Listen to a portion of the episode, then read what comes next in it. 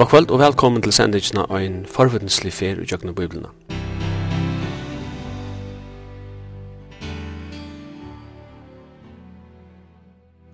Henta sending er at høyre lindene først mykje kvöld klokka 19 og i studion er Simon Absalonsen som vi mer her ved Jekvann Zakariasen. Velkommen Jekvann. Takk for det. Og Taur Paulsen er teknikar i Tjokon. Og i kvöld så er vi kommet fram til bøgjena som kallas fyrir bøg Jonasar. Bøgjen og i ber navnet kja profeten Jonas er av mengan hatt ørvise enn allar hinnar profetiske bøgnar og i Bibelen. Fyrst og fremst er tog at bøgjen hever andre profetier, men bøgjen er bostur av en frasøgn om livsrøyndunar kja profeten. Vi kunne sija at søva Jonasar er tan profetiske båskapen i bøgjen. Søvan om mannen og i var gleptur av en fiskju hefur finnju mengane rist vi høttunum og kalla bautuna en eventur kjenta søgn. Men Jonas verir omrøtter erastegn i skriftene som er søvelig personer. Og i ære kongabok 1425 får vi da vita er at Jonas var attaver ur galileiske bygdene Gat Hefer.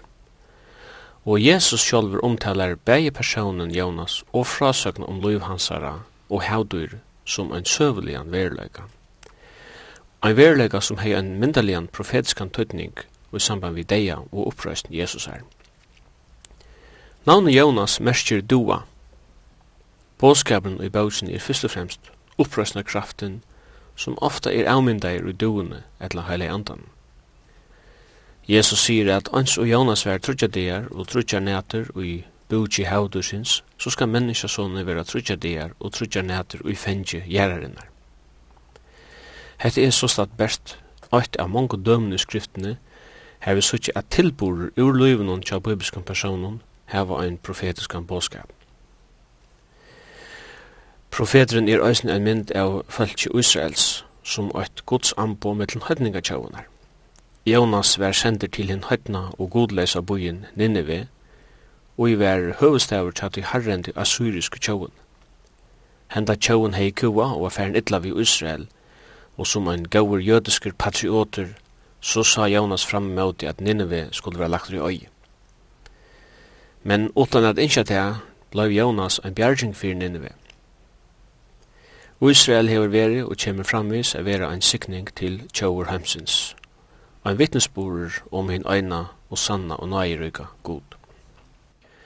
Jonas er bøg hever, som allar ærar bøker skriften, eisen ein personlian båskap til kvann einasta tryggvand. Upprøsten kraft Kristusar lærer vi best å kjenne og gjøknun røndra i muskunas lea. Og i egnare styrkje kunde Jonas ikkje færa til Nineve, og sjálve megna vi ønskje og i egnare styrkje. Men god eimugd Jonas og vi sutja ein biande profet. Okkara bønaløy sier hver vi av sånn er. Og nå kom år herrans ærefer til Jonas, leser vi i kapittel 3. Eulutni hei først profeten skaivan vi. Ta årherrans kom ærefer til Jonas, var han ikkje kom langer enn ta årherrans kom fyrrefer til Jonas. Korsten i hei han negrar lufsrøyndir, som hadde gjørst han rykar. Darar renna undan kallegods. Annars tidsist hei i bøgjen som at allir skapningren i bøgjen er gode lujen utan menneska. Bøgjen enda vi at Luisa Guds enda leise nai ta han miskunnøye Nineveh.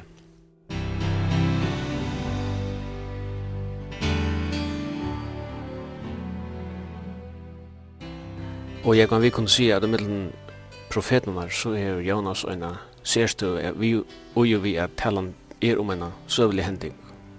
Ja, jeg tror vi at uh, Jonas er uh, han kjentaste av profeten, kurser til små profetene. Og, og i sundagsskolen høyrer vi om Jonas. Vi høyrer sjalden om Obadias til dømes, og i sundagsskolen, men om Jonas. Og Jonas er en utrolig spennende bok, lukka fra byrjan og til enda. Og ta seg om, som du langt har lyst, hvordan god virkar i livenen tja en mann, Og hvordan han innskjer at, at, at um, få han til å skilja at han vil først og fremst heva luttene fram om alt anna, så innskjer god at bøtten hans er i honom lojen. Og Jonas måtte genge i jøkken nek fyrir læra at han sannleggen er vera god løyen. Han, han rønte å flytja, men uh, han kunde ikke flutja fra gode. Og Jonas har sett seg nye å skrive hese bøtjene trykker vi at han at han ser verlig hva det er som god innskjer og hva det er som god er og inspirera vår av heilig andan, så ser han seg nyer, og skriver det som han har lært, og hvordan han har sikret seg vi og kjølsøkne, og, og holdleika, og så videre. Og eit som er avhåverst vi Jonas Geisne, eh, vi frasøkne til falskje hele tidsje, er til at vi kunne identifisere oss vi til som han og eisne ånder hava gynnsi i jøgnum. Vi kunne lære til dømes av tøy som Jonas gjør rett, og vi kunne eisen lære av tøy som Jonas gjør det skarft. Så altså kunne vi identifisere okkur, så, så og medelig en negv.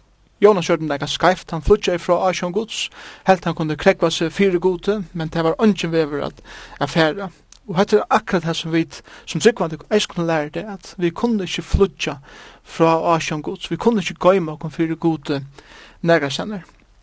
Og jeg pleier kalla hette her at flutja fra gode, røyne at jeg kommer fra gode, pleier jeg kalla ångte for Jonasar syndromet, men som, som alls ikke virkar. Et annet som er avhørst vi Jonasar bok er til at jeg kallar tro på våra boken i Gamla Testamentet, til at, som du sier, her sutja vi eh, en tænare gods, en profet, som fer av en missionsfer. Han er ikke nægra eh, profetiskt ord som så at han hikker in i framtiden eh, som vi ofta definierar profeter. Men profeter er en som bare simpelthen talar år gods. Og god sier vi han, fær til Nineve, og en missionsfer og tala til, eh, til folket. Og vi lærer av Usbogjen at god hever et trobora hjärsta. Han innskir at öll menneske skulle være frelst. Og det er det som Peter skriver om i øren brevet kapitel 3, vers 9. Og vi lærer her at han brukar, god brukar menneske som ambosut til å kunngjøre sin båskap fyrir mennesken, fyrir en heime. Og da jeg leser Jonas bok sjolvor, så tar jeg bøyden opp i tveir parstar. Ta fyrre parsten kallar jeg bara fyrra kall Jonas her, kapittel 1 og kapittel 2. Kapittel 1 kallar jeg fyrir Jonas og overgren, kapittel 2 kallar jeg fyrir Jonas og fisken, Og annar parsen av bøkene er Anna kall Jonas her. Så er det fyrir god kall Jonas. Og tre kapittel er så Jonas og Nineve, og fjore kapittel Jonas og Herren. Så det spyrir i bókene sundur til jeg kjenner.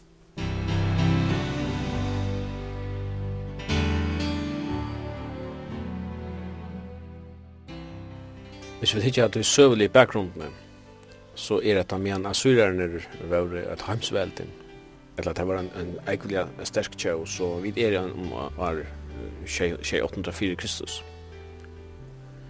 Og ta vidar vid at Assyreren hadde herja ut i norra parten av landen, som er det som vi vanlig kallar for Israels rujt. Landet var jo, eller rujt var færre tvinningar, som vi leser om. Og her hadde Assyreren herja, og var færre øyla etla vi Israels fælsi, mitt landa, kunne lese om det i halde Isaias, nu ikke tåsar om det. Isaias var en av samtidig profeten. Og jeg får bo fra herren om affæra til Nineve, som er høvestæveren til assyriske kjøvene, til vi er en, en barsker bit til Jonas er sluka. Ja, det er det absolutt vær. Og vi da tatt seg for om, om rujtje, det assyriske rujtje, hvordan utrolige barbarisk der våre. Um, ta i tar til dømes kom inn i Israel og, og, i herna imot Israel og tog fengar og i løttu så vi så var det utrolig ønt som de gjør det der tar torturera av falskene først og fremst. Der kunne bæge høgga fingrar og hendur og skjera varrar av og, og, og alt møvlet av fengene. Der kunne ångte tega der og, og skri hona av dem, letja det ut solene og brenna. Og etter gjør det bæge vi menn og kvinner og bøten. Så det, det er en fruktelig hætur i motor av syraren. Og vi kunne være nok så sjått i at, at sier, ja, men altså, Jonas, for, forferdelig, han ikke vildi akta god. Ta, og vi tog ikke om hva det velja var som Jonas tjekk som en nasjonaler jøte, som hei erfære kusse og trolige eh, ringt folk seg hafta under hese træla hånden av Assyren, som hadde gjørst ham så med den ekring. Og nå sier god vi, eh, vi Jonas, fær til til en ringkasta futsinda, fær til han som to hætar allarmest. Og kunngjør heimen at jeg elsker deg, og at kunngjør heimen at jeg skulle venda vi fra sin sint. Så Jonas yngst av som den innes av hjertet var, god, gjer jeg deg. Men det er for han helt andre bo. Og i sunnen, menneska, og sånn er hoksan, avgjør Jonas at hatta er eit stiv for, for nek for god å be meg gjerra, og tog flutjar. Og jeg, jeg hoksa ofta vi meg sjålbom, det er ikkje nevnt a færa til ein som ein ber hætur emotur, og sier til at god elskar det, og jeg er ikke eisen til elskar det. Og hoksa okkun, eller hoksa okkun, hvis jeg fyrir hei lir rævlet under en i tjå.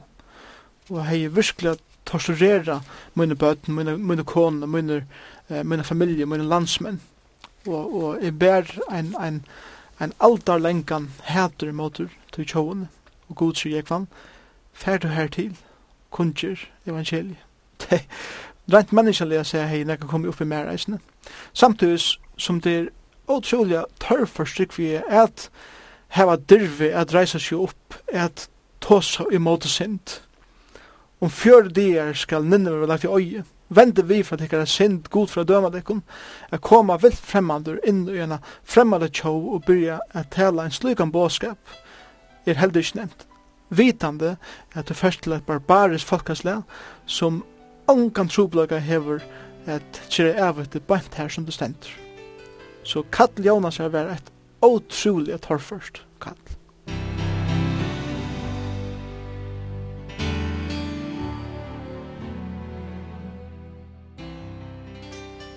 Og et annet som er verst at hoksa om i her sambandet, det er hoksa om det er søvelig bakgrunden av syrerne, det er at Jonas var attaver uh, ur hisen bøynen, som kallas for eh, Gathefer. Og den bøyen ligger stått fra Nazaret. Og det er nok så interessant, tog her sørger vi en profet som er attar ur Galilea.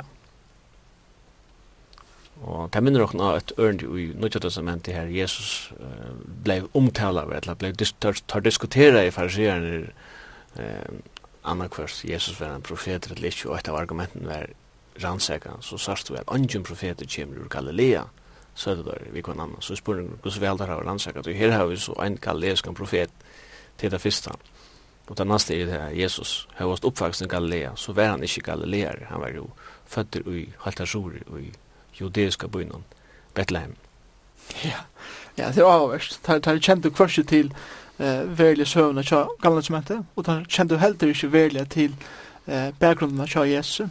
Gett hefer var, eller la faktisk midt i landsparten Galilea, omla i 5 kilometer nordestan 4 Nazaret. Så, så bænt, bænt utanför Nazaret här som Jesus vaks upp. Og här var, här var Jonas fötter. Og det är så noe avhverst, man man efter lärs från Jesus. Etleva lärs från Jesus var fra Galilea. Ein var ur Judea, og det var han som sveikan, Judas Iskariot.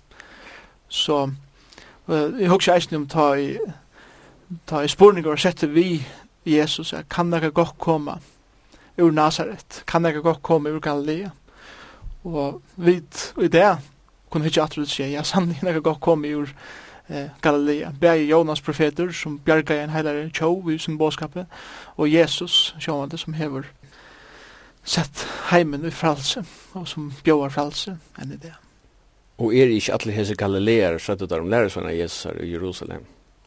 Så vi kan si at, at geografien, hon stolar ofta om til fordomar, men god, han hikker alltid gjørst no. Ja, absolutt.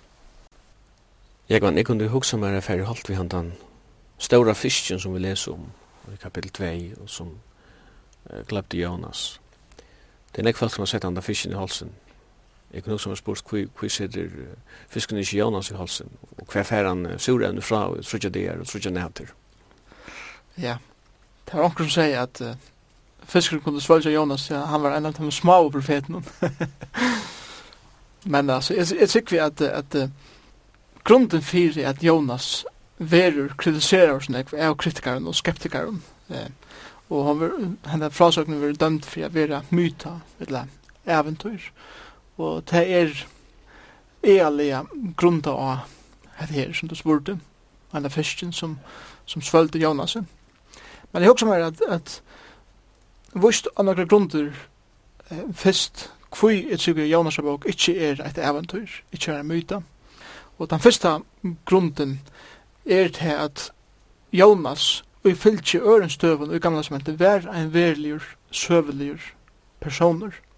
Vi leser om Jonas a sannar og i gamla sementet, andre kongabók 14, 25.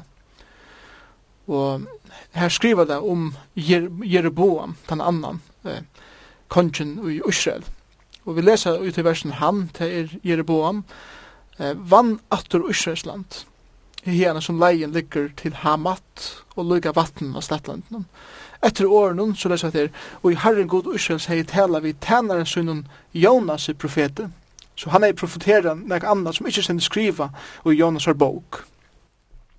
Uh, og så sender han var soner Am Amittai, så Amittai var pape Jonas, en annan søvelig personer, ur Get Hefer, så nevnte Johan, 5 km nordestan fyrir Nazaret.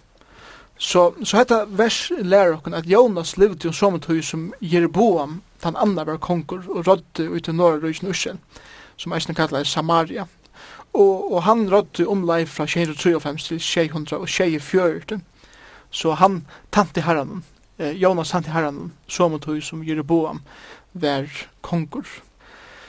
Nu, det andre argumentet fyrir at bogen er en, en søvlet skriv, et verlig skriv, er til at jeg trykker at Bibelen eier av en tidsin så bokstavlig som møvlet. Og sjåan til uljósen av et heva profetskan og poetiskan litteratur, og et møvelet sløy av litteratur som eisen skulle eh, tolkast eh, ut i maten til å skriva i. Men uh, jeg pleier å si så at hvis vi teka Bibelen bøkstavlig, vi så bøkstavlig som møvlet, utan det ser god grunn for ikke at gjøre det. Og det er onka grunn sykja for at ikke at teka Jonas bok rent bøkstavlig. Og så sykja vi sjåan til at her vi kvelden, eller vi som fyrsten, som eit under. Men uh, Eisen fyrir tre, det er ikke bøtjer som bendra at den ikke er søvlig. All stjernene som er nevnt, all personene og alt som er nevnt er, er søvligt. Anker fyrir sette spørsmålstegn i at Nineve nærkant vi eksisterer i. Og det vet jeg vidt, sjåan det gjør vi til, jeg vet jeg har funnet bæge ruiner og eisen det store bogasavne fra Nineve fra av arkeologene der, og så videre. Så det er ikke som bendra det ikke er søvligt. Etla Tarsis. Ja, etla Tarsis, ja. Uh, Bogen er fyrir fjóra, eisne nye jøkken tøyene av jøtene alltid tidsin for å være søvlig til ut Talmud og æresanar og i øren nød som skriver hun har angad vært nekka sportsmannstegn sett vi Jonas være et en myta eller nekka som helst. Og somleis nye jøkken kyrkju sankomusøvna har det alltid vært tidsin bokstavlet men det sørste grunnen for at det er Jonas bok for å være bokstavlig bok er tog Jesus sibar til hana. Du, du, du, du, du, du, du, og Johanne. Matteus 12, 24, her sier Jesus, um, vi farsierne som krever tetjen, Han sier han, ønd og åtrygg at krever tetjen, men henne skal ikke tetjen være given, utan tetjen Jonas her, profets. Så en som Jonas, hver trutja dier og trutja nætter i bjutja hevdursins, så skal menneskesonen være trutja dier og trutja nætter i fengje gjerrenar. Så Jesus tok bok Jonas her, som er et søvligt, verligt dokument, og som er en verlig hending. Og jeg trykker vi som Jesus sier, og tog det her eisne bøkene for å velja vera en bokstavla bok. Og han sier at dette var et hautur, hver for hautur, det vet jeg ikke. Fiskur som så i Bibelen er omgang definera hvor akkurat hva for slæ av fiske det er. Vi leser bare ofte at fiskur, smadrong som kom til Jesus vi, vi fiskene og vi breien, vi leser ikke hva for slæ av fisk det heldur, og som leis tar vi eh, leser om at lærersvannen er fisk av vatten og så videre.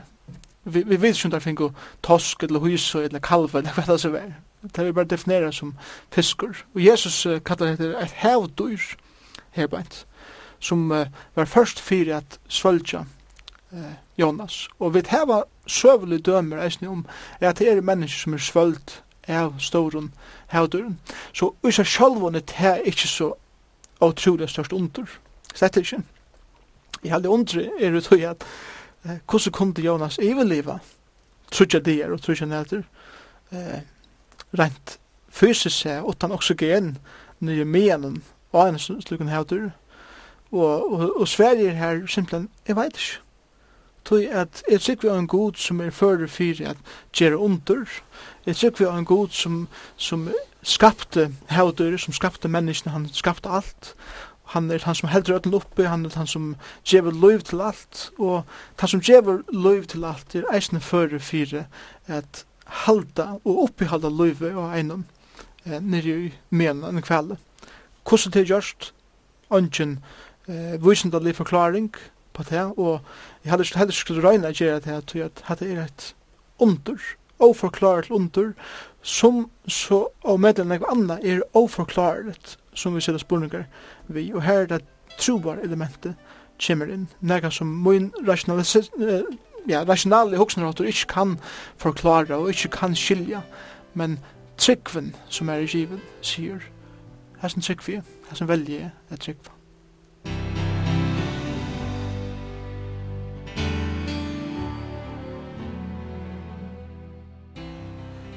Vi leser om at Jonas for å bia i bøkjen og havdøren.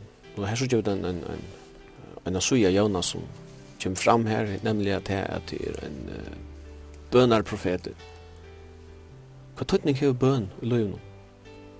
Ja, bøn hever så om omedelig nek, jeg sier, Martin Lloyd Jones, han uh, kjente enskje talaren som nu deier, han sier at en maver eller kvinne er vi så største og så beste, ta han til hon at knøven og ligger framme for Joachim gods.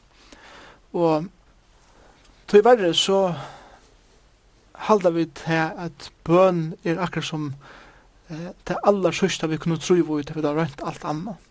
Og ångte hører man at folk sier at Ja, nu er det ikke annet etter å gjøre enn å bia.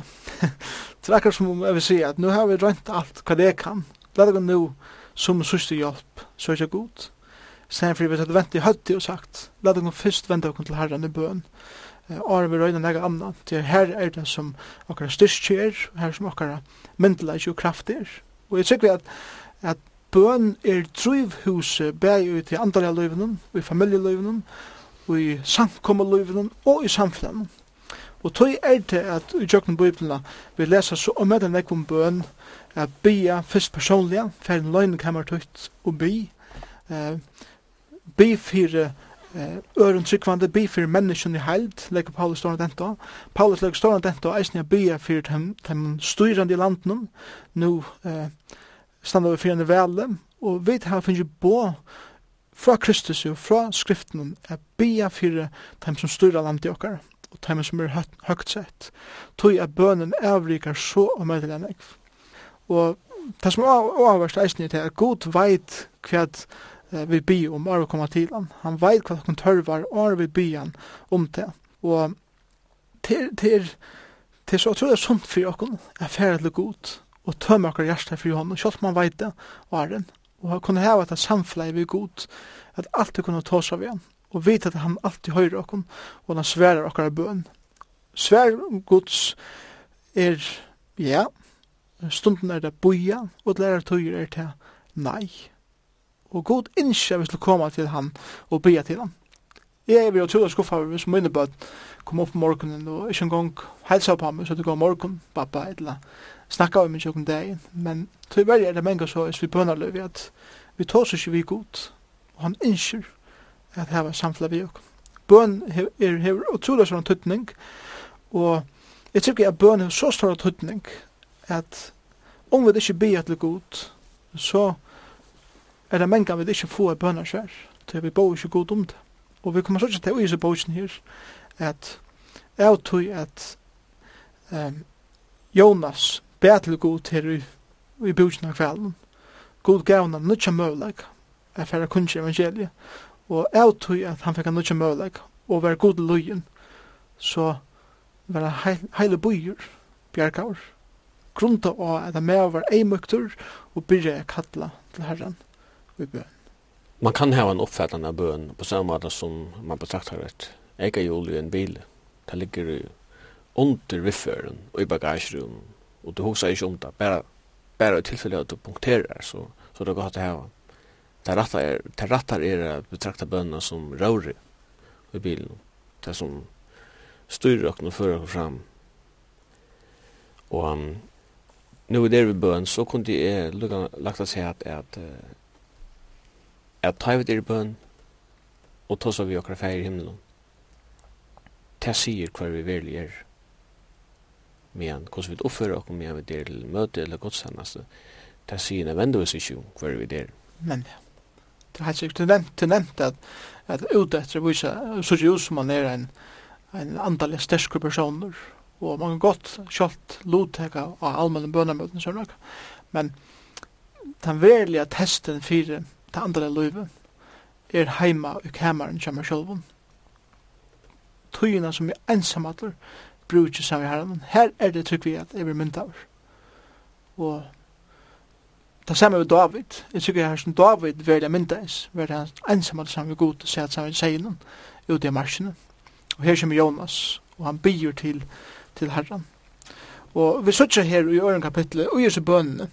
Jeg, jeg bøyde seg bønene opp i, i trutja parster Først sørger vi at vante og rastle er ombrøtt vid trygg og i øren til fjorda vers. Han sier, jeg kattla jo herran i neimunni og han sværa i mer, bønarsvær her lungo. Og ur fengje deir rysins røpti jeg og til hørte, god sværer, god høyrer. Til kasta mig i djupe mitt i havet og seimer var hun omme og öll bråttunni og öll brilstunnar løttes i ume. Jeg hugsa jeg er rikin burstur fra egentøynan så hadde vanten og rastlans man er ui. Men jeg skal atur sleppe av sko opp mot heile tempelet tøyen. Så her er vanten og øtter som er ui er no ombrøyter vid at han ser at jeg fer for bønner svær, herren fer at bjørka meg ur hesten nir. Og fra 15 til, til kjenda vers, verer han så bjørka ur, ur sin nei. Og han leser her, han, han siterer her på medan byer til grunnvallar fjallarna sakke nyer, og slager gjerne var lastar etter meg det er men to førte meg, eller to førte løy mot opp ur grøvene, herre og god munn, og ta i salmen ørkje og så i mer, myntes til herran, og bøn munn steg opp til tøyen og heilige tempelet tøynen. Og så fann jeg at tøkk fire, bønar svær. Og eh, han, han viser her at de som halda seg til tomar er godar, venda miskuntunin bæts, men jeg skal offra til tuin vi takkar rødt. Ta jeg hava lova skal jeg halda, tjo harranum er frelsa. Og så lesa vi om at kveleren sputte, eller fiskeren rettare sagt, haudur, sputte Jonas og Balandat, som har bjergaur. Så han kattar til god, han ötten vir omskytte vi, vi vogn, og han vir bjergaur, og han gjev takk fyrir bjergingsina.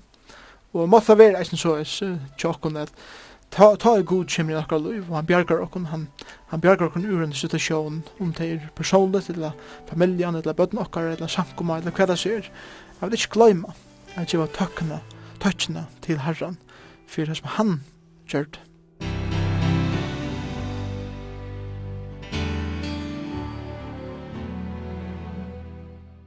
Jeg kan huske om et her med du seg om bøn her, at uh, les en fra om Spurgeon. Det er søtte til at uh, han var et avvanligt bønnemenneske. Og bønnene gjør et øl inntrykk av følelsen som lortet. Han var en, en predikanter av August Nye. Og han kom mot i uh, at til USA, han er i England, ja, negra der, og da spurte amerikanere, «Hei, du hørst Spurgeon predika?» Så sverre jeg mot i, «Ja, jeg har hørst han predika, men jeg har ikke bare hørst han predika, jeg har også hørst han bi.» Ja. Yeah en annen sjøv om Spurgeon er et han at han lei så sånn dent av bøen at mer han talar så var en stor hoper av mennesken eh, nere i en kjallarrum under eh, plattformen her som han stod og talar i og i bøen for samkomne og i bøen for båtskapene, at mennesker var frelst. Og han sa at her som drivhuset fyrir at mennesker var frelst. Og, og, og så det han tala er så at han ikke følte kraften av velja, at mennesker ikke velja tog og bådskap, så platt han trampa i gulvet for å få falskni at bya enda meir i råpa enda eh, gypre eller ja, enda gypre fra sin hjärsta til herran om å frelsa mennesker. Og, og han pleier å si at det er ikke min tala som gjør til at bådskapen er så av avmødelig kraftig til folkene som er under plattformen og bya at Herren skal tega henne båskapen og velja gjerne nega via. Jeg kan visst vinne for Aoya i Sarbausjen, hun er jo bare fyra kapitlar. Vi kom ut i tre kapittel. Her stender Atlana er fiskenhus på Jonas og Balan, så stender det tre kapittel vers 1. Nu kom år herrens ærefyr til Jonas, og han sier vi han halta sted og færre til Nineve. Kapitlen, eller Baugen byrjar i fyrsta kapittel vi at år herrens kom til Jonas. Så kom det tre kapittel, år herrens kom ære for Kleon. Så det ser ut som løy vi har bare korset inn i ringra, så vi er atter som støv som vi byrja er det rett. Ja, jeg, jeg hadde til, til pura rett, og, og samtidig så hever Jonas fyrir jo noen erfaringer som gjør det til at svære på anna kall gods var annerleis enn det fyrra. Så at i det fyrra, ta i god kallaren som vi tar som Johanne, så, så flytjar han. Og det er ein en støvu nyer nyrgång, eller nyrtur i Jonas, og ja, lukka fra kapitel 1 og så 2. Vi leser at han fyrir, han fyrir nyer til Joppe, han fyrir nyer i Gipsta Room Sheepsens, han fyrir nyer i Hautur, han fyrir nyer til enn til Gjerar Dup, her i møtta hans og så, og så til en utrolig tur som han, som han hever. Kvui, tog at han flytjar fra Asjon Guds, som og han han åtte jeg vite som profeter Guds eh, som som åtte jeg kjent Gud at jeg kan ikke flutja fra Asjan Guds. Og jeg husker om, om Salm 193 at det er omøvlet at flytja fra Gode. David sier her, hver skal jeg fære undan andatøynen, og hver skal jeg flytja undan Asjantøynen, fære upp til himmels, så er du her, og reiser meg leve ui deia rujtjennom, ja, så er du her. Tætje vantjer morgeroans, og feste bygg vi ista marskhausens, så leier håndtøyn meg her, vi, høyre håndtøyn, heldur meg festen, og sier, mysker skal fjæla meg, eh, ljøse rundan om, eh, rundan om meg skal være natt. Så er heldur ikkje myskret her myst, og natten i bjørs som dævren, myskret er som ljøs. Anki sted er flutja fra Jonas. Så hadde han erfaring som han hever i fyrsta kapitlet. Det som avverst eisen i, i fyrsta kapitlet er til at showmennene ta i ta i Jonas fyrir om bora kipi i Joppe og han atlas er til Tarsis Tarsis her er en bøyer i Spanien, rokna vi, om lei 3-4 km fra Joppe. Godbyr han fer estret, 1000 km estret, men han flutjar vestret. Og det som er avverst, at suttja i fyrsta kapitlet, nu tar vi tås om erfaringene som han, som han hever, er til at hese sjåmannen høyder en større ötta fyrir gode enn Jonas sjolver heie som profeter gods. Og ta det spyrjan, hvor er du til å finne fram til, og loda kast jeg fattelig han, han er han som er skyldna, og i overkenen som kommer skipet, så sier han at jeg er jøde, jeg er profeter gods, men han sier ikke hva uh, oppgaven hans er, tog at han, han kunde ikke, ja, til at han, er, han, han, han, han valgte navnet gods skam. Og det som hender er til at showmannen er fer ro på av navn herrens, om man om om man hjelper Jonas ur sin trubbelagan så det var fra at blekene er sjekv. Så det som lærer her til at disse hatten showmannen kommer til trygg trygg tryggfie og er god til at det er fer nå at ropa til herren, Jehova og offra honom sladraffer og tar be for Jonas og for en mann og Jonas flutjar fra at bjerga en heilum buje en heilan nasjon Så, så han er, er ferdig ekla nek Han er svøldre en hevdure, og han er lien i mian her. Og jeg vi at ta Jonas er spyr landat Lien i mian sin her, og hevduren, at hoen kjønn hever ikke vinna saman nærkant i atter. Han er bare merskjene av å være gode og lien. Og alt hendan erfaringen gjer til at nu tar vi koma til 3 kapittel, så leser vi et at nu kommer årherrens ære for til Jonas, og han sier, halta sted, ferd til Nineve til den store sted, Og han har sagt, ja, beina veien. og han er ikke som at flutja, og han er færen et sted. Sverre var helt nek amma. Men det som er avvers, men det er ikke man sutja, om man løte, er til at Jonas hever enn ikkje last, verlig, hvor god er, og hvordan nøyer hvor god er. Og vi får lesa atur settene, at år herrans, for å komme atur til Jonas. Og her er det han verlig for å lære hvor god er.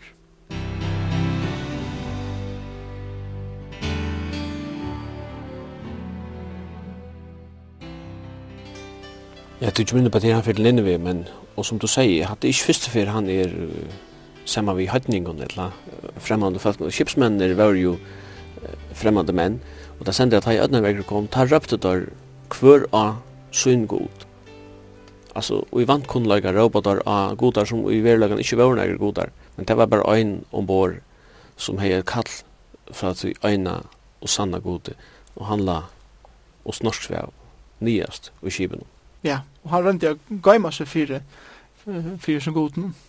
Og han sier uh, så vidt der, det er sier, altså hver land jeg sier, hver tjoer sier, og hva vil du, og så hvor er, at han lota kast jeg fattelig av Jonas. Så sier han, jeg er hebreer, og i øttes herran, at det første for året uh, vil det nevnt fra Jonas og munne, at han omboar herran, god himmelsens, han som er gjørst hevi og turlent, Så han som har eisen skapt det overrekker som som vi nå er ui. Og ta fall stor rassla av mennene, og så sette vi han, vi han, kvui hever to gjørst etter?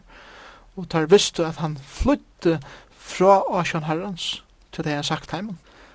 Til avvers jeg leser her i fyrstunda verset at så, ta røpte teir til seg hettene sjåmenner, til Herren, til Jehova, og så å Herre, la dere ikke genga bostur, for det hese mever, så altså, tænare tøyn, profeter tøyn, eh, skal dodja, og lad ikkje sækla spåk med iver okkon. To herre hever jo gjørst som to vilde, så han tog der Jonas og kastet han i kjekven, ta slattna i kjekven vid det samme. Så det er veldig vittnesbord som det er så kjærbeint. Hva er røsle det, 16. vers i første kapittelet, og stårer øtte for herran fadla mennar, og tar offra av herran og slatra for, og gjør det lyft. Så i jøkken ålutne Jonas her, kommer en heil skipsmanning, til trygg av god, så det drar av å sutja at god brukar kjøtt okkara ålutne og okkara eh, ja, at, at vi gøyma okkar for god, han brukar det, teker det som det og sier, if jeg brukar det til å gåa, for venda det til å gåa, og vi mykje glemma det at her kommer heilt kipsmanning til landsatter, ombrøyt til at her ser herran, det som han er fyrir fyrir at gjerra. Så ikkje bare i Jonas bok er det minne som vi bjarga, men en heil kipsmanning, eisne. Hvis vi vender til tre kapittel, er stendet der at det var en større stav for gode, Nineve, og han var trutja dagsfer lenger, og Jonas var øyna dagsfer inn i byen og røpte at om fjörde dier skal Nineve være lagt i øye. Da leser vi om at Nineve menn tar vendi om, og det ble boa fast i byen, og tar klattes i sekk og, og så framveis. Alt som vi kunne spyrja okken sjálve, hvordan spyrja til at det var så stor, stor avverskan av prætningen til Jonas, da vi hugsa om hva du er av å oppleva av prædika fyrir David Øyren og en tanke som jeg har gjort mer men han er som er hypotetiskur. det er at uh, Nineve eller Assyria hei herja vi flore London og tar at de herja og i to landsparsen som Jonas var atavriur Galilea og Israels rujtje men Nineve Etla Assyria rundt i øysni at teka judarujtju tar omringa i Jerusalem som vi leser om Sankarib. Og tar seg det at han vil teka Jerusalem hvis det ikke iviga hos seg. Men eh, kongeren og profeteren som var i Jerusalem lødde da framfor herran og bau god Israels om hjelp. Og det stender at ta nottena for angel herrans rundt og her i Assyring og han drep 105 og 40 000 manns og morgenen så der alle liggande loik. Kan du huske at en hendingsmåte her hever vært kunnig for uibyggene og Nineve? Ja, jeg sikker at han hendelsen hever vært avgløymende for Nineve menn. Og ta vi arkeologer har funnet eisne skrifter fra tog hendelsene. Men uh, hun skriver slik han hatt at det vil ikke viking at det at, at det er 145.000 manns en av nått, men de har vita verleggan av det. Og så er verst at jeg tror jeg god brukar søvler hendingar fire fire folk til nekka som fyr er kom, og i vis jo henne hendelser som du har sipa til, vær en firereikning til å vise folkene at hese maveren som nu er kommet til byen, er er samme folkje som vi høtta seg rævlige opplevelse vi, at vi tappte tog at god tarra stå vid heimen. Og ta er så god senter Jonas inn i byen. Og han hever år fra herranen og sier om fjørte dier skal ninne vi være lagtur og i øye. Ta et vi som du sier kanskje er minne akkur som kommer fram at. Og det har sagt skal det hente ene for et set så vidt enn loja så med til enn ekv av. Og det har vent vi. Det er altså sånne hendinger som det er 145.000 man stod jo i en sånn massakre, at eh, det kan få folk å huske. Absolutt. Jeg vil så sjå i at uh, god brukar hendingar som henta eh, av hjørne enn det, som er rævligere til tess av vetja folk ur svøvne, og, og vysa dem nå at god er en av god, loivi er ikkje eh, i okkar hånd som så, men det er Guds hånd. Og vi kunne tega et dømen bare som eh, New York den 11. september. Amerikaner er heldig opp til den dagen at vi er en tjå som ikke kan nemast den nøkrum. Og ondje kan gjere okkur nega, vi, vi gjere som vi vilja, endelig knapplega. Nå, dodja tusendetalja folk og god teker situasjoner, og, og venterne høyde og sier, la meg gjerne noe underfullt brosjures ned. Folk som heldig at de høyde løy i sin egen hånd, så sier det at akkurat løy er i Guds hånd, og folk vil ha frelst i tusen til hel, og i USA, og i det. Så god brukar søvelige rævleikar og hendingar til tess, at gjøre folk klar til å teke motor og hånden. Akkurat samme som hendte for 3000 år siden og i, og i Nineveh. Vi såg hos radikal omvendt en i verden inne ved, her stender i vers 8, at kongren sier at öll skulle sveibast i syrgebuna og i Nineve, bæg mennesker og kreatur. Og de skulle råpa til god alt det er ment og venda vi hver av ønda løysun fra åraten og i hongur oppi i håndetun. Hver var ta her kunde at god venda vi og engrei venda seg fra brennande vrøysun så vi gjeng ikkje til grunntar er en utrolig sterk godsbevisthet i felsen. Enda uh, vil han hava at kreaturen skulle være vi og gjøre råpa til god og være klatt i uh, syrgebom. Det lett seg fullkomlig ber fyrir Asjan gods. Og den tar vi lese her på at han, han gjør trudjar dagsferie inne i byen. Så, så, så kan det eisen tolkas på den måten at, at han hei trudjar dier om å prædika båskapen og i dem even støven og i byen og hetta året og hendan predikan er tryggvi at talan sjálv hevur kanska verið longri enn hefur hessi fag årene at um fjörde dagar fyrir nynnu verið langt við øye han har kanskje sagt í missat seg at sjálv om han skriver hetta var hetta var aksum tjattnan av båskapen og hetta kom til kongen og er kongren leter seg ur sunne konka kapo det er a veldig tegn på at her er verlig omvending som vi taler ned om, og han sveipar seg i syrkjebuna, og han setter seg i øsko som var en tekjende på utrolig sorg. Og han fer så lengt, som du sier, at han kjølt kryatørene skulle eisne sveipa såleis. Gud kan ikkje bæra, ja, simpelthen Gud kan ikkje, altså, iver så ikke nega som helst, vi fullkomlige venda vi vi ivergjer okken fullkommen til god, og i vånende om at han fer at spære okken.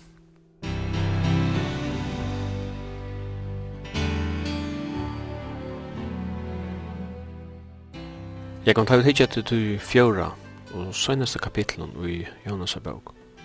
Så sykja vi at det byrja vi at Nineve hever vent om til god og god engrar og vil ikkje øya byen og det kommer øy og jævna, så han blir spinnad gittle.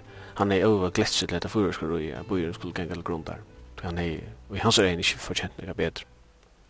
Jonas er ikke last enn at god er enn så er medle nøyre og god.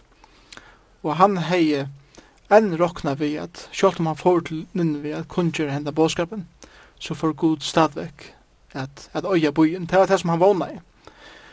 Og vi leser i fyrsta vers i fjorda kapitlet, etter at Ninni har vent vi, god spærer falskjøn til det har vent vi, men hetta domte Jonas i ekvelig illa og ylt kom igjen, så han ble rasant, og han bæ til herran, og her er så den æra bøn, som er fullkomlig annerleis enn bøn i kapitel 2.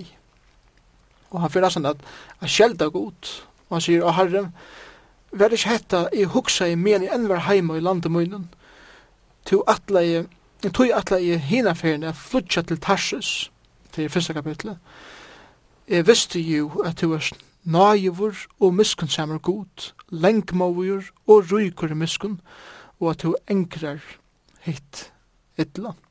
Så han, han, han visste kanskje innast inni at om vi fer til Nineve så fyr god er at spæra at det folk som og så vil jeg ikke og nå sier jeg at det var akkurat det som jeg bengi fyrir.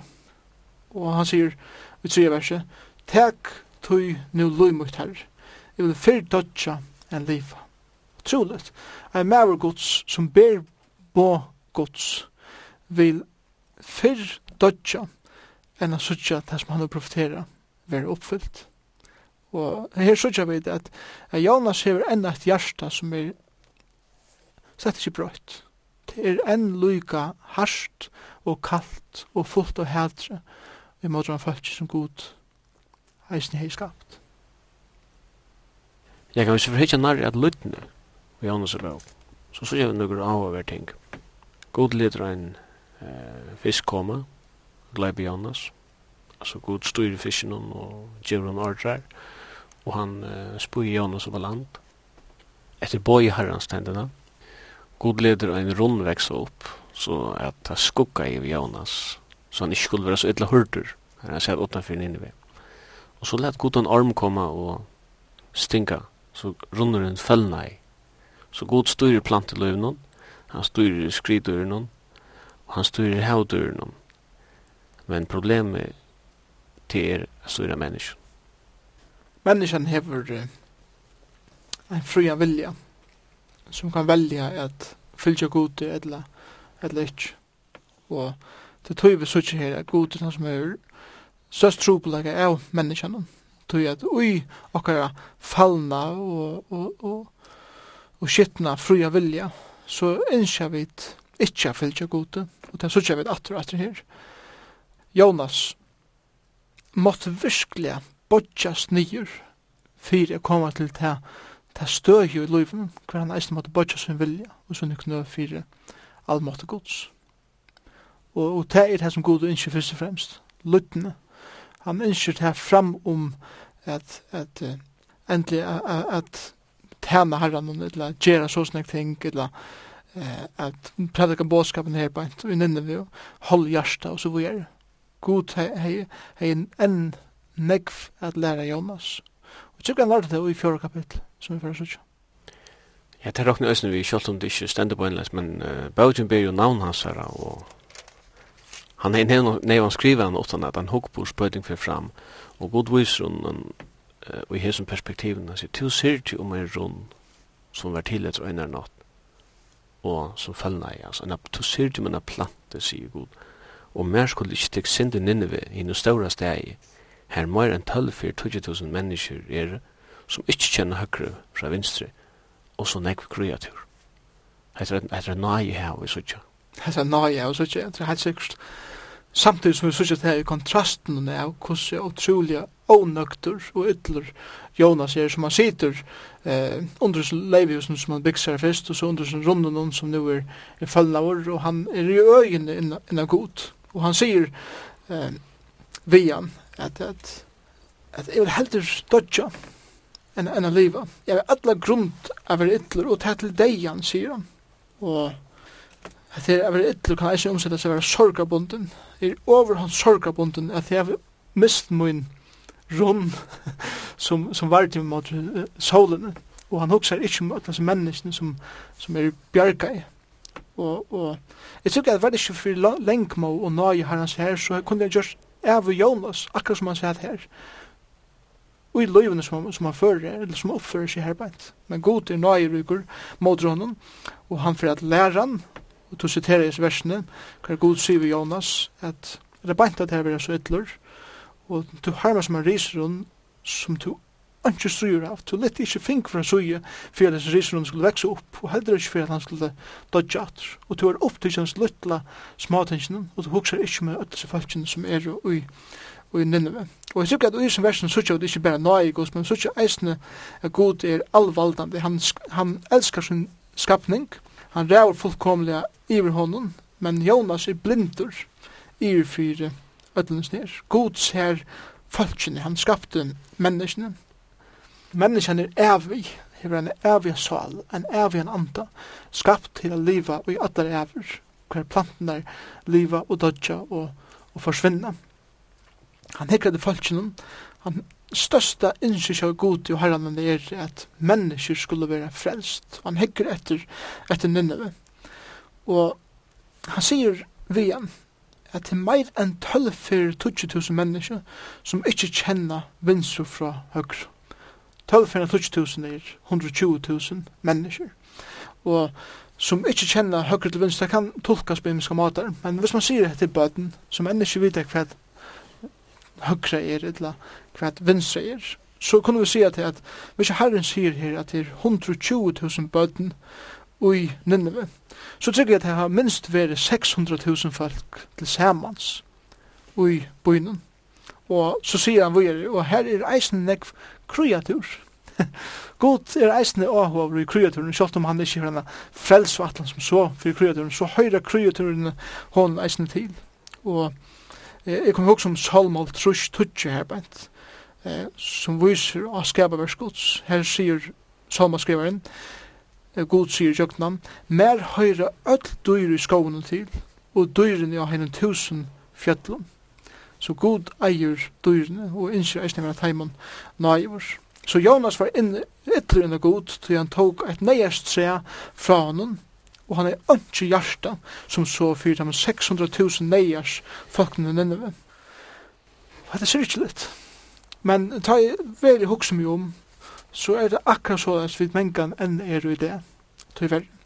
Vi grenja mengan om hvordan ring vi heva det, medan folk kvöndan er vi eines enn det, fer enn i avlegan utan god og utan Kristus og i hessen heim. Kristus elskar det fortapt. Han ønsker at mennesker skulle komme til søgn og i trygg og være frelst. Og med vi sier det her ganske og grenja om at det hever det ikke noe godt måtte vi eisen last fra Jonas, og måtte vi, som Paulus skriver i Flippran 2.5, finnes sinnalega Kristus her, at se forbui hese små detaljene som vi grenner om, og se ut av marskene, mennesker som er utan Kristus, og måtte hjärsta okkar gynnsi ut til Herre, og prioritera rætt, som er tryggve av Jonas, eisen lærte fra båskapet gods. Ja, da man sammanlokna runden, kreaturen og så mennesker, så minner det meg som fjallapraten av Jesus tåsar om om god som klæir liljenar av marsjene og føyer foklar himmelsins og er tid ikke menga mar verder sin. Så menneskene til kronene, god skapa vers, det som han er mest omsorg av, og til østen han ser sin egne mynd ui menneskene, han skapte ui sin egne mynd. I råkne er god til han hikker av menneskene, så er det som hikker i speil. Han ser av bøyla det seg selv. Det betyr nek helt sérstak fyrir han. Og i samband vi endan av Jonas bøk, og nu er Nineve hefur vendt vi til god, så eh, kan jeg lukka nevna til at uh, ein av de store syndene som folk gjørte, Mosesfolk og hetningafolk, det var det at de glemte, og tog er ammunition i Bibelen øyla ofte minst til, minst til, minst til. Vi vita, sjalt om Jonas bøk enda her, så vita vi at en hundre halvt annars var svettene, ta blei bujuren inne vi lagt til øye. Profeteren Nahum profeterer om det i tredje kapitlet. Så ninne vi hever øyne glemt søytene. Ja, og, og som du sier, Israel lærte at det er atter og atter. Det teker bare ene generasjon jeg gløyma og venda seg fra gode. Og ninne var, var bjerke her, ja, til rett, men som generasjoner i Jinko, så har de vendt seg atter fra herren. Jeg har glemt hvordan herren sparte ninne domer herren som kommer niver, minner vi at det er ikke vent vi, og god er en avvarlig god, og ta i folk ikke vent vi, så brøyder god ikke noe hoksan om hva den atler. Og ta vi lesa her i 3 kapitlet, god engrei, så, er, så er det året ikke til at god engrei nega som han har gjørst, og, og, og akkur som han har gjørst nega gale, slett ikke, at det er et år som simpelthen meinas vi at brøyder hoksan, han, han sier at hatt atla i åren, men nu er urslutet såleis, han falt ikke vi, og tog brøy til min hoksan om at øya bojen, og jeg gjer det ikke, jeg viser min nøye. God har sagt at samme hundra og trusja settene, falt ikke ikke vent vi, og år herran som gikk ut, og nynne vi verlagter og øy. Så hver atali er nøyt til å teka støv i for god? Ja, ikke bare hver atali, hver ein stegur, eh, må teka sina støvu i for gode til hver einstakur stendur framfor gode, ankel som frelsara eller som domare. Hverst einsak menneska, hver einstakur føringur, lukka mykje hver en atalige videre av. Vid må teka en personliga avgjør, og tann avgjøren eh, innskja vid så medelig nekva lekja fram at at måtte han avgjøren vi veri at vi eimer jo kun og asjan gods, bodja kun fire Kristus som frelsar okkara, som harra okkara og ivergiva okkara løy til han til han sender vi åpne armen og bjóvar ein og kvarjun til svin men avgjøren må være personlig tja kvarjun einstukum og avgjøren kommer avgjøra avgjøra antil sama vi gode etla avgjøra avgjøra fra gode og fra asjan gods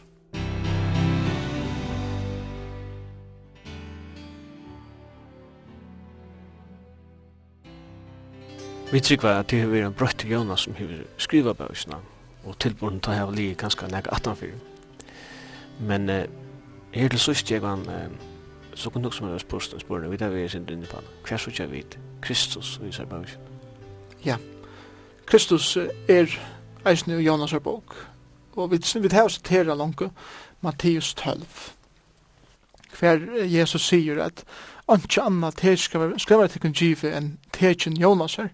At ens og Jonas var trutja der og trutja nætur og i bukje hævdursen, så skal menneskesåneren, og her sier han til sin sjolvan, være trutja der og trutja nætur og i eh, djubegjerren er teir er i, i grøvene. Så um, Jonas er en mynd på deia og oppreisen Jesus her.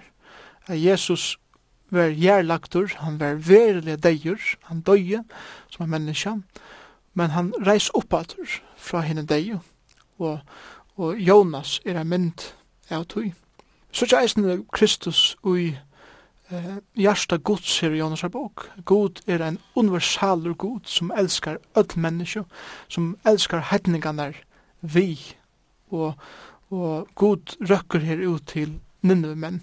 Kristus røkker ut til hetningarna, han rakk ut til samverjer, han, han rakk ut til eh, ja, de som var eh, satt nyr og i samfunnet til syndarar, til tottlarar, og god røkker ut enn det til einukvann som eh, vil venda vi, vi trygg for ham. Og vi sørger eisen Jesus som frelsara og herra og i hesson, og i hesson heimen dømes lesa vi i bøn Jonas her, i nudgjenda ørende, i ørende kapitlet, de som halda til tomar avgudar, venda miskuntøyne bætj.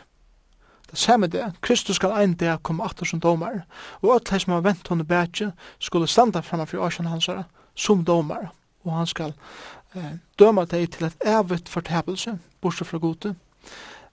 Men jeg skal offra til tøyn vi takkar rødt, det og jeg vil lova skal jeg halta. og så leser vi, tja herranen er frelsa.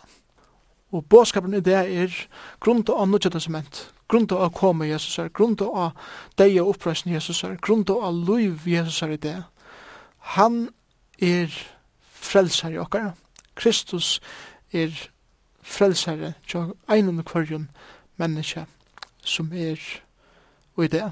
Og ta lesa fjóra kapitli eisen, så sykja vi eisen Kristus her, eh, ta og i eh, Jonas, sier vi herran, jeg var ikke som vi hugsa i men enn var heim i, i landemunnen, at tøy at jeg hinna fyrir flutja fra der, så vi er tøy at det visste at du er naivur og miskunnsemmer, du er lengmåjur og rykur og miskun, og du engrar titla. Kristus kom fotler av naiv og sannleik at og han han sier sjølver, da han siterer fra Isaias profet, at er kommet å kunngjøre nøye av herrens, og er kommet å at nøye er å få, grøying er å få, eh, salar eh, grøying er å få for mennesker, og det er liv, evet liv er å få for de som vender seg til munn.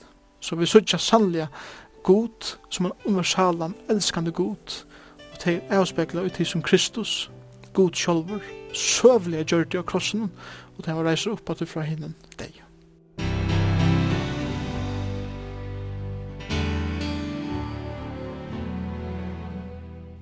Og vi hesson åren fra Jekvann, så færa vi at takka fyrir okkon i kveld. Og i studion var det Søymen Absalonsen, Jekvann Zakariasen, Torur Poulsen, var teknikar.